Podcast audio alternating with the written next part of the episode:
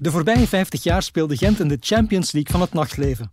Althans, dat heb ik je 12 weken lang proberen wijsmaken in deze podcast. Enfin, wijsmaken, het was natuurlijk allemaal wel waar, maar het was misschien ook niet allemaal zo'n groot geheim. In tegenstelling tot het Gentse nachtleven in de jaren 50 en 60. Want die vraag heb ik de afgelopen maanden toch wel een paar keer gekregen. Hoe zat het voor 1970? Mijn naam is Ben van Alboom en de jaren 50 en 60, daar ga ik het vandaag over hebben in deze tweede bonusaflevering van De Nacht. Met Alexander Daskalides en Casper Jan Raman. De eerste is de zoon van Jean Daskalides, die in de Veldstraat het legendarische, jawel, pannenkoekenhuis Salon Frits runde. En de tweede won tien jaar geleden de Popthesisprijs voor zijn thesis over de Gentse muziekscene in de jaren 50. Een thesis die begint met de vraag hoe komt het dat twee van 's werelds meest memorabele muzikanten van de 20e eeuw, de rock'n'roll pionier Bill Haley en de jazzkoning Louis Armstrong, aan het einde van de jaren 50 optraden in Gent? Het verrassende antwoord: dankzij de Sossen. Een afdeling van de Socialistische Partij, de CAO, de Centrale voor arbeidersopvoeding. Dus dat is eigenlijk een beetje een soort van educatief programma van de, van de Socialistische Partij, dat zij die twee mensen, of ja, die twee pioniers naar Gent hebben gehaald. Ik moet dan de Socialistische Partij enorm bedanken, want die hebben mij eh, in die jaren een memorabele avond gereden. Er was een, eh, een film in de Vuilstraat in de Eldorado. En wij woonden juist naast de cinema. En eh, ik mocht er niet naartoe gaan. Dus elke avond, met mijn oor gericht tegen de muur, was ik naar Bill Haley en de Comets. Dus, en de Comets, hè, was het, ja. Hè, naar uh, See You Later, Alligator. Dat was een fantastische uh, belevenis voor mij. Ik ga dat nooit vergeten. Dus dank u wel. Hè. En het was ook, ja, die, dat was eigenlijk het toppunt van die, allez, van die music club. Dat was eigenlijk het, ja, het onderdeel van de Socialistische Partij. En dat werd geleid door Gilbert Temmerman, die later burgemeester is geworden, en André Holsbeke. En dat was ook ja, de piek, maar ook meteen het einde van, van, allez, van die vijf jaar durende concertreeks. Omdat die zijn dan gestart in het jaar 1955, puur uh, met het idee van we moeten iets nieuws doen voor de Socialistische Partij. We moeten een keer een, een, een nieuwe wind, hè, zoals dat Con Rousseau nu met zijn uh, ja. uh, nieuwe partijnaam en dergelijke. Dus we moeten een nieuw publiek aanspreken. En ze zagen van oké, okay, die jazz, die, die rock, dat is wel interessant. Daar kunnen we al jong publiek mee bereiken. Maar concerten organiseren, tout court, dat was niet, ja, dat was niet een dag taak of zo. Dat, was, dat zijn allemaal zaken die ze erbij namen naast een gewoon werk voor de Socialistische Partij. Dus dat werd veel te veel en, en uh, financieel was dat ook niet altijd evident. Gelijk Bill Haley was eigenlijk een flop op vlak van, uh, van, van publieksopkomst. Is dat ook toen al op zijn ja, het einde, fijne carrière eigenlijk. Dus in het jaar 59 hebben ze drie toppers naar, naar Gent gehaald. De Platters, Bill Haley en Louis Armstrong. En over de Platters had hij eigenlijk nog een grappig verhaal. Dus die kwamen toe en die repeteerden en die gingen dan gaan eten in een, in een hotel of in een restaurant niet ver van de Sint-Pieters, uh, Sint-Pietersplein. En uh, die waren uh, oesters aan het eten, kreeft aan het eten, champagne aan het drinken voor die show. Die waren echt ladderzat. Die zijn nog in een, in een cabrio door Gent gereden. Dus ze zaten in een cabrio naar iedereen te zwaaien, ladderzat.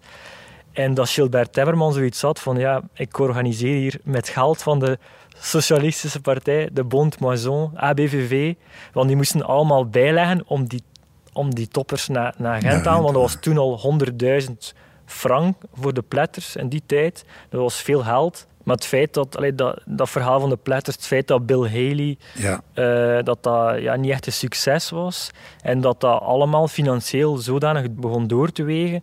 Heel bizar dat de Socialistische Partij in de jaren 50 uh, ja, als, als, uh, als ze zich hebben beziggehouden met het organiseren van jazzconcerten en rockconcerten. Terwijl die papa, ja, was dat, voor hem was dat veel natuurlijker, omdat hij al in, in die scene zat eigenlijk. Hè. Ja, maar mijn vader was meer actief in, in de jazzscène, maar Bill Haley was puur rock en roll. Dat waren de eerste rockmuzikanten. Hè? En dat was hoe dan ook voor mij een fenomenale uh, herinnering. Ja, fenomenaal. jazz was, was uh, wel al ingeburgerd in Vlaanderen en in Gent. Ja, ik denk dat veel mensen jazz ook associëren met uh, de muziek van de geallieerden en de muziek van de overwinning. Maar ik denk dat jazz voor veel mensen een verschillende invulling had. Ik denk dat ook heel veel mensen in die tijd jazz was ja, dansmuziek in de eerste plaats. En niet heel van die niche, obscure uh, bebop of zo. Dat was feestmuziek eigenlijk, denk ik. Hè. En, en de, het verschil tussen... Ehm, ja. Of ik denk dat er voornamelijk in die tijd veel balorkesten waren die een beetje jazz speelden, die een beetje dansmuziek speelden, die een heel breed repertoire hadden ook van, van Amerikaanse evergreens. Dus ik denk dat dat wel de grootste, allee, meest werd gespeeld. Hè. Balorkesten die eigenlijk een brede waaier van muziek hadden waar dat de mensen zich op konden amuseren. Ja, ik denk dan specifiek, Casper Jan, aan uh, de, de, de, het ritme van de Charleston. Ja. Dat, was, dat maakte deel uit van de meeste jazzorkesten en de mensen dansen daar, feesten daarop. Hè. Ja, dat was rock and roll. Vlaanderen heeft rock and roll nooit zo beleefd als in Amerika bijvoorbeeld. Hè. Dus, dus hier zijn er geen rellen uitgebroken of uh, mensen zijn niet op straat gekomen.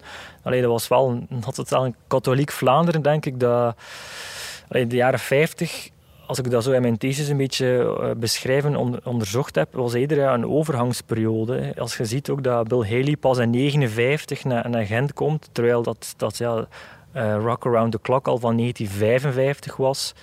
Ik denk dat we eerder laadbloeiers waren op vlak van het integreren mhm. van rock en roll en uh, in, onze, in onze samenleving. Ja, dat is juist, want het was absoluut geen agressief karakter. In tegendeel, dat was festief. Hè? ja. dat dansen en absoluut, ja. Er is een overgang geweest tussen die jazzperiode, die, die, die, die vele mensen, vooral mijn vader, hebben, uh, hebben benadrukt. En mijn vader speelde zelf ook als, uh, als muzikant in een amateurorkest. Uh, ze hebben een plaat opgenomen. En dan de, de, de rock and roll spelers die begonnen te bloeien, denk ik in de jaren 1955. Zoals niet alleen Bill Haley, hè, al die, die Amerikaanse vedetten zoals Chuck Berry en veel anderen begonnen ook. Volgens mij is dat een overgang geweest in die periode. Ja, ja wat je zag ook in Vlaanderen van die jongeren die eigenlijk Elvis Presley begonnen te kopiëren. Dus had in Brussel had je Burt Blanca. En, en in de buurt van Gent had je Dan Ellery. Ik heb nu toevallig zijn, zijn eerste single meegebracht. Ah, uit 1961 is dat. Dus dat was allemaal zo'n beetje 58, 59, 60 dat dat opkwam. Ze zagen of ze lazen over Elvis in, in Song Parade en Jukebox, de, de, de, de, de tienerbladen van toen. En ze, ja, ze kopieerden die stijlen, maar dat was wel iets braver. Dat was iets gepolijster. Uh, het was niet zo wild als Chuck Berry of Little Richard. Little Richard, dat is de naam die ik zocht, ja. ja. En een, een Jack Sells, ik weet niet als u, u daar nee, die ken ik niet. Dat was een... Uh, Volgens mij was het een dokwerker uit Antwerpen. Nu zou je dat zeggen als een rocker of zo. Terwijl een rocker avant la lettre die, die heel ruwe, allee, wilde jazz speelde. En, en die experimenteerde wel met vormen tussen jazz en rock. Dan Ellery, de jong dat ik dat plaatje mee heb, die ehm, heet Jackie van Poeken. En dat was eigenlijk een Gentenaar die vijf jaar in de States heeft gewoond. En uh, daardoor had hij een Engelse tongval als hij zong. Hè. Was, eh, als 15-jarige deed hij mee aan, wedstrijden. was dat van, wauw, die jongen kan echt Amerikaans of Engels zingen, want ja, hij heeft vijf jaar in Amerika gewoond. Dus die viel direct op. Uh, die heeft een opname mogen doen voor Philips Frankrijk. Uh, als 16 of 17-jarige met de familie naar, naar Parijs. Opnames gedaan. Dat was perfect. Uh, en die kregen zo'n stapel contracten mee. Allemaal in het Frans. Dus ja, eh, Jackie was, was een tiener. Zijn, zijn, zijn ouders waren van simpele komaf. Die nemen die contracten mee naar huis. Zeggen van, we gaan dat wel een keer op ons gemak bekijken. Uh, ja, kennen jullie... Al dit te nadenken van... Iemand die heel goed Frans kent, gaat beginnen zoeken naar de juiste persoon. De weken of dagen gaan voorbij. Uh, dat contract is gelezen en dus, ze willen dat tekenen. Ze gaan terug naar Parijs en ze zeggen van ja, sorry, je waart onze eerste keus, maar je hebt te lang laten wachten. We hebben een stand-in genomen en dat was dan Johnny Holiday. Is dat waar? Ja. Dus ja, Dan Ellery kon, kon een grote geweest zijn, maar het is uh, door... Spijtig, ja. ja.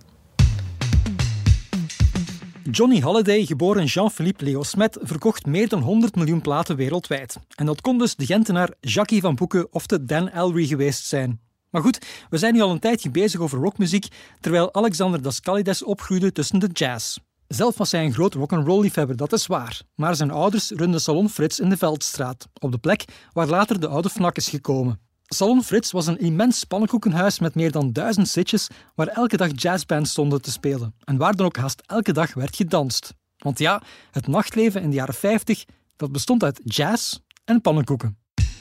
Ik ben daar inderdaad geboren en uh, dat was uiteindelijk een combinatie van een uh, chocolaterie, een bakkerij en dan nog een zeer grote tieroom. Ik ben daar uiteindelijk in opgegroeid, in de kelders van Frits, in de, in de zalen van Frits. Uh, ik heb dat mogen meemaken. Ja, dat was een fenomenale jeugdherinnering met tal van activiteiten, ook veel muzikale. En mijn vader speelde soms mee in dat orkest. Er was een orkest permanent bij Frits, die in die tijd rechtstreeks uitgezonden was op de, de BRT toen.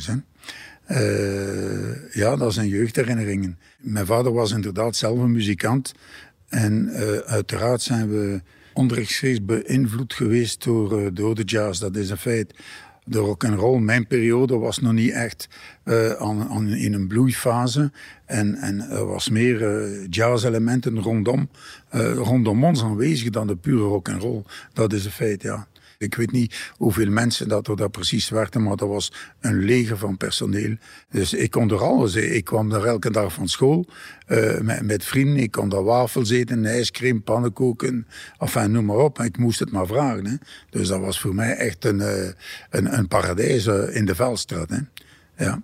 Dat was een naam binnen Gent. Dat was net zoals dat je de AB had. Je had, je had de opera, de handelsbeurs, maar Salon Frits. Uh, ja, dans, wafels. Uh, ik vraag me wel af, was dat, was dat een wilde plaats? Of, of, of allee, konden daar experimenteren als tiener in, in Salon Frits? Of was dat meer voor nee, een ouder publiek? Nee. Het was niet, als tiener niet, dat, dat denk ik niet. Je moet je dat voorstellen, Casperian, als een... En in die tijd was dat één heel grote zaal. Het was nogal indrukwekkend. En daaraf van achteruit aan de leien. Uiteindelijk was het één grote van in de Vuilstraat tot aan de, ik, heb, de naam van de daar vergeten, was dat één grote ruimte. Dat was nogal indrukwekkend. Er komt er van alles binnen, echt van alles. Ik denk, uh, iedereen, het was, was gewoon een verbruikszaal. Door het feit dat het zo'n grote zaal was met zitmogelijkheden, gaf dat natuurlijk de mogelijkheid om, om uh, bals te organiseren. Maar niet alleen bals, maar ook uh, modeshows en défilés. Dat is een feit, ja. En in mijn tijd, ik herinner me, dat is dan een anekdote. Uh, ik mocht dan niet binnen als man. Als er uh, défilé was over lingerie, dan mochten de mannen daar niet binnen. We kunnen ons dat moeilijk voorstellen, maar dat was zo. En dat waren al de vestiaires in de kelders, waar de mannequins gingen, afgeplakt met een dubbel dik bruin papier waar dan niemand kon doorkijken, buiten ik. Ik had mijn repères gemaakt, maar niemand kon daar doorkijken. Hè. Een paar huizen daarnaast had je dan de, de. Wat was het verschil tussen de twee? In de, in de AB had je dan de variété, en, maar qua cliëntelen en zo qua aanbod, Los van de wafels dan? Ah ja, los van de wafels. was in de AB, in de, ik ben naar de AB geweest, de Ancienne Belgique, in de Weststraat, herinner ik me zeer goed. Ik ben er nog gaan... Uh, uh, wie heb ik daar gezien van artiesten? De Cousins, de Cousins. Hè? En uh, Adamo ook. We hadden wel allee, veel locaties eigenlijk. Merendeel van de plaatsen allee, had vaak balorkesten. Like bij, bij Frits waren er ook balorkesten. En er waren heel veel ehm, grote ik kan niet zeggen cafés, maar ja, grote hotels of zo die een balorkest hadden. Maar echt de jazz, jazz, dat kon je wel vinden in de Veneziana, het vroegere ijssalon. Maar dat was wel, ja, uh, New Orleans jazz, zeg, van die pure, zuivere jazz. Ik denk uh, bijvoorbeeld in de AB had je ook het orkest van uh, Willy Roquin of, of Leo Martin. Die konden ook wel jazz spelen, denk ik. Hè. Dat waren echt topmuzikanten, maar die speelden voornamelijk meer, meer, meer ja, evergreens en, en wat dat publiek graag wilde horen, denk ik. Hè. Ja, dat klopt. Leo Martin ook, een zeer bekend orkest. Ook vrienden van mijn vader. Iedereen kent uh, Leo Martin van Gaston Leo, maar Leo ja. Martin was ook een, een orkestleider en ja. een, een, een, rasartiest eigenlijk. Hè? Intussen weten we dat Leo Martin nog zoveel meer was dan een komiek. We weten dat er ook in Gent een AB was, een Ancien Belgique, van dezelfde eigenaar van de AB in Antwerpen en Brussel. En we weten dat bruin papier niet de beste manier is om lingeriemodellen af te schermen van nieuwsgierige puberjongens. Wat we nog niet weten, is of mensen in die tijd ook tot vier of vijf uur uitgingen. Ja, ja, absoluut. Ja, ik herinner me dat heel goed. Dat was, uh, uh, ik herinner me als er bal was, dat was een nachtactiviteit. De tafels moesten uh, ontruimd worden. En ja, natuurlijk, ik was nog een zeer jong manneke op dat moment en ik ging vroeger gaan slapen. Maar ik herinner me, dat was tot de vroege uren. Hè. Ja, absoluut. En van zodra Alexander niet meer op tijd in zijn bed moest? Oh, ik, ik ging gelijk, gelijk al rentenaars ging naar de Kuiperskaai. Er was maar één plek in Gent, dat was de Kuiperskaai. Iedereen ging daar naartoe. Ja, als ik de mensen van mijn thesis hoor vertellen over de Kuiperskaai, was dat donkere ruimtes waarbij dat je wel kon, uh, ja. je vriendinnen uh, ja, kon uh, experimenteren. Hè? dat is het woord, ja. Uh, voor de jeugd, ja, ja toen, was daar, uh, toen waren bekende namen. Hè. Uh, de, de, Don Carlos, de, de Number One, de, de... Old Mac? Ja, ook al. De Benny's, de, de Benny's op de hoek, ja. Daar, ging, daar kwamen altijd de zware jongens naartoe. de vroege mercenaires die naar Afrika getrokken zijn. Die gingen daar naartoe. Ja, dan moesten wel beleefd zijn en anders was het een beetje gevaarlijk. En was dat dan allemaal, allemaal dansers met zo'n flitsend lichtbord buiten? Was dat alle remmen los? Ja, ja het was uh, ambiance maken. Het was, uh, het was ja, ja, mensen gingen daarvoor voor zich te amuseren. Begin van de rock and roll jaren, hè? Ja in mijn archieven, of ja, in mijn thesis was er blijkbaar één club die een live orkest had, maar de anderen hadden allemaal jukeboxen of zo. Klopt dat eigenlijk? Was dat dan allemaal met een jukebox? Of? Ja, dat waren veel jukeboxen. Maar je staat daar dan te dansen en dan plots is, is het gedaan en dan moet er snel snel iemand weer een helden steken voor muziek te hebben. Of hoe gaat dat dan? Ja, wel, ik, de techniek Eh, die, die ken ik niet, maar inderdaad, er was bijna nooit een onderbreking tussen de platen. Dat ging volop door. Ik weet niet, dat, eh, er was er een soort van mogelijkheid om te voorprogrammeren in de muziek. Dat er een ganse uren aan een stuk muziek kon gespeeld worden. Ik weet niet hoe dat ze dat deden. En was dat dan ook zo, gelijk dat je nu van die mensen hebt die naar een DJ gaan, wilde dat nummer aanvragen. Voor mij was dat, was dat dan ook zo constant van, leg dan een keer de nummer van Elvis op, of leg dat nummer een keer op. Of... Ja, je kon dat doen. Hè. Ja, ja, er waren inderdaad nummers die regelmatig voorkwamen, die meer succes hadden dan de andere. Je kon een, een soort van selectie doen met een. Hè. Intussen is er wel wat veranderd. Jukeboxen werden vervangen door discjockeys en rockmuziek door R&B, funk, disco, house, techno en jumpstyle. Maar misschien is één ding gebleven: de goesting om te feesten. Wow, ik een beetje minder. Hij, hij wel, hij is veel jonger. Maar uh, ik niet. Maar het, het algemeen uh, vreugdegevoel bij vele mensen na die lange periode van ontzegging, uh, daar kan ik me volledig in, en, en, en laten. ja, ik volg dat volledig. Hè. Absoluut. Hè. Ja, ik denk het ook. Ik, ja, ja, ja, ja, ik hoop toch wel op zo'n... Iedereen spreekt over terug naar de jaren 20 of misschien terug naar de jaren 50 of 60 qua, qua allee, energie en zo. Ik vind dat dat wel uh, iets is om naar uit te kijken. Dat gaat, dat gaat vonken geven, dat kan niet om. Ik denk het wel, Casper Jan. En ik ook. Dit was de tweede bonusaflevering van De Nacht. Een podcast van Puur Gent, Visit Gent en Stad Gent. Volgende keer de derde bonusaflevering over het Gentse nachtleven begin vorige eeuw. En dat is dan meteen ook de allerlaatste aflevering van De Nacht. Mijn naam is Ben van Alboom. Pieter Stantens van House of Media deed de opname en montage. Bart Meiskens de productie. De Glimmers de muziek. Floor Windels de vormgeving. En Thierry van Dort de fotografie. Dikke merci ook aan Louisa Salens, Tom van Houten, Thierry Bogaert, Jules Gaïde, Lala Bouwens, Sam Vijs, Louise-Marie Kerkhoven, Stefan Brakke, Walkie Talkie en Vooruit. En aan de Morgen en Humo, waar je straks ook de allerlaatste aflevering van de nacht twee weken exclusief kan beluisteren op de site en in de app. Tot de volgende!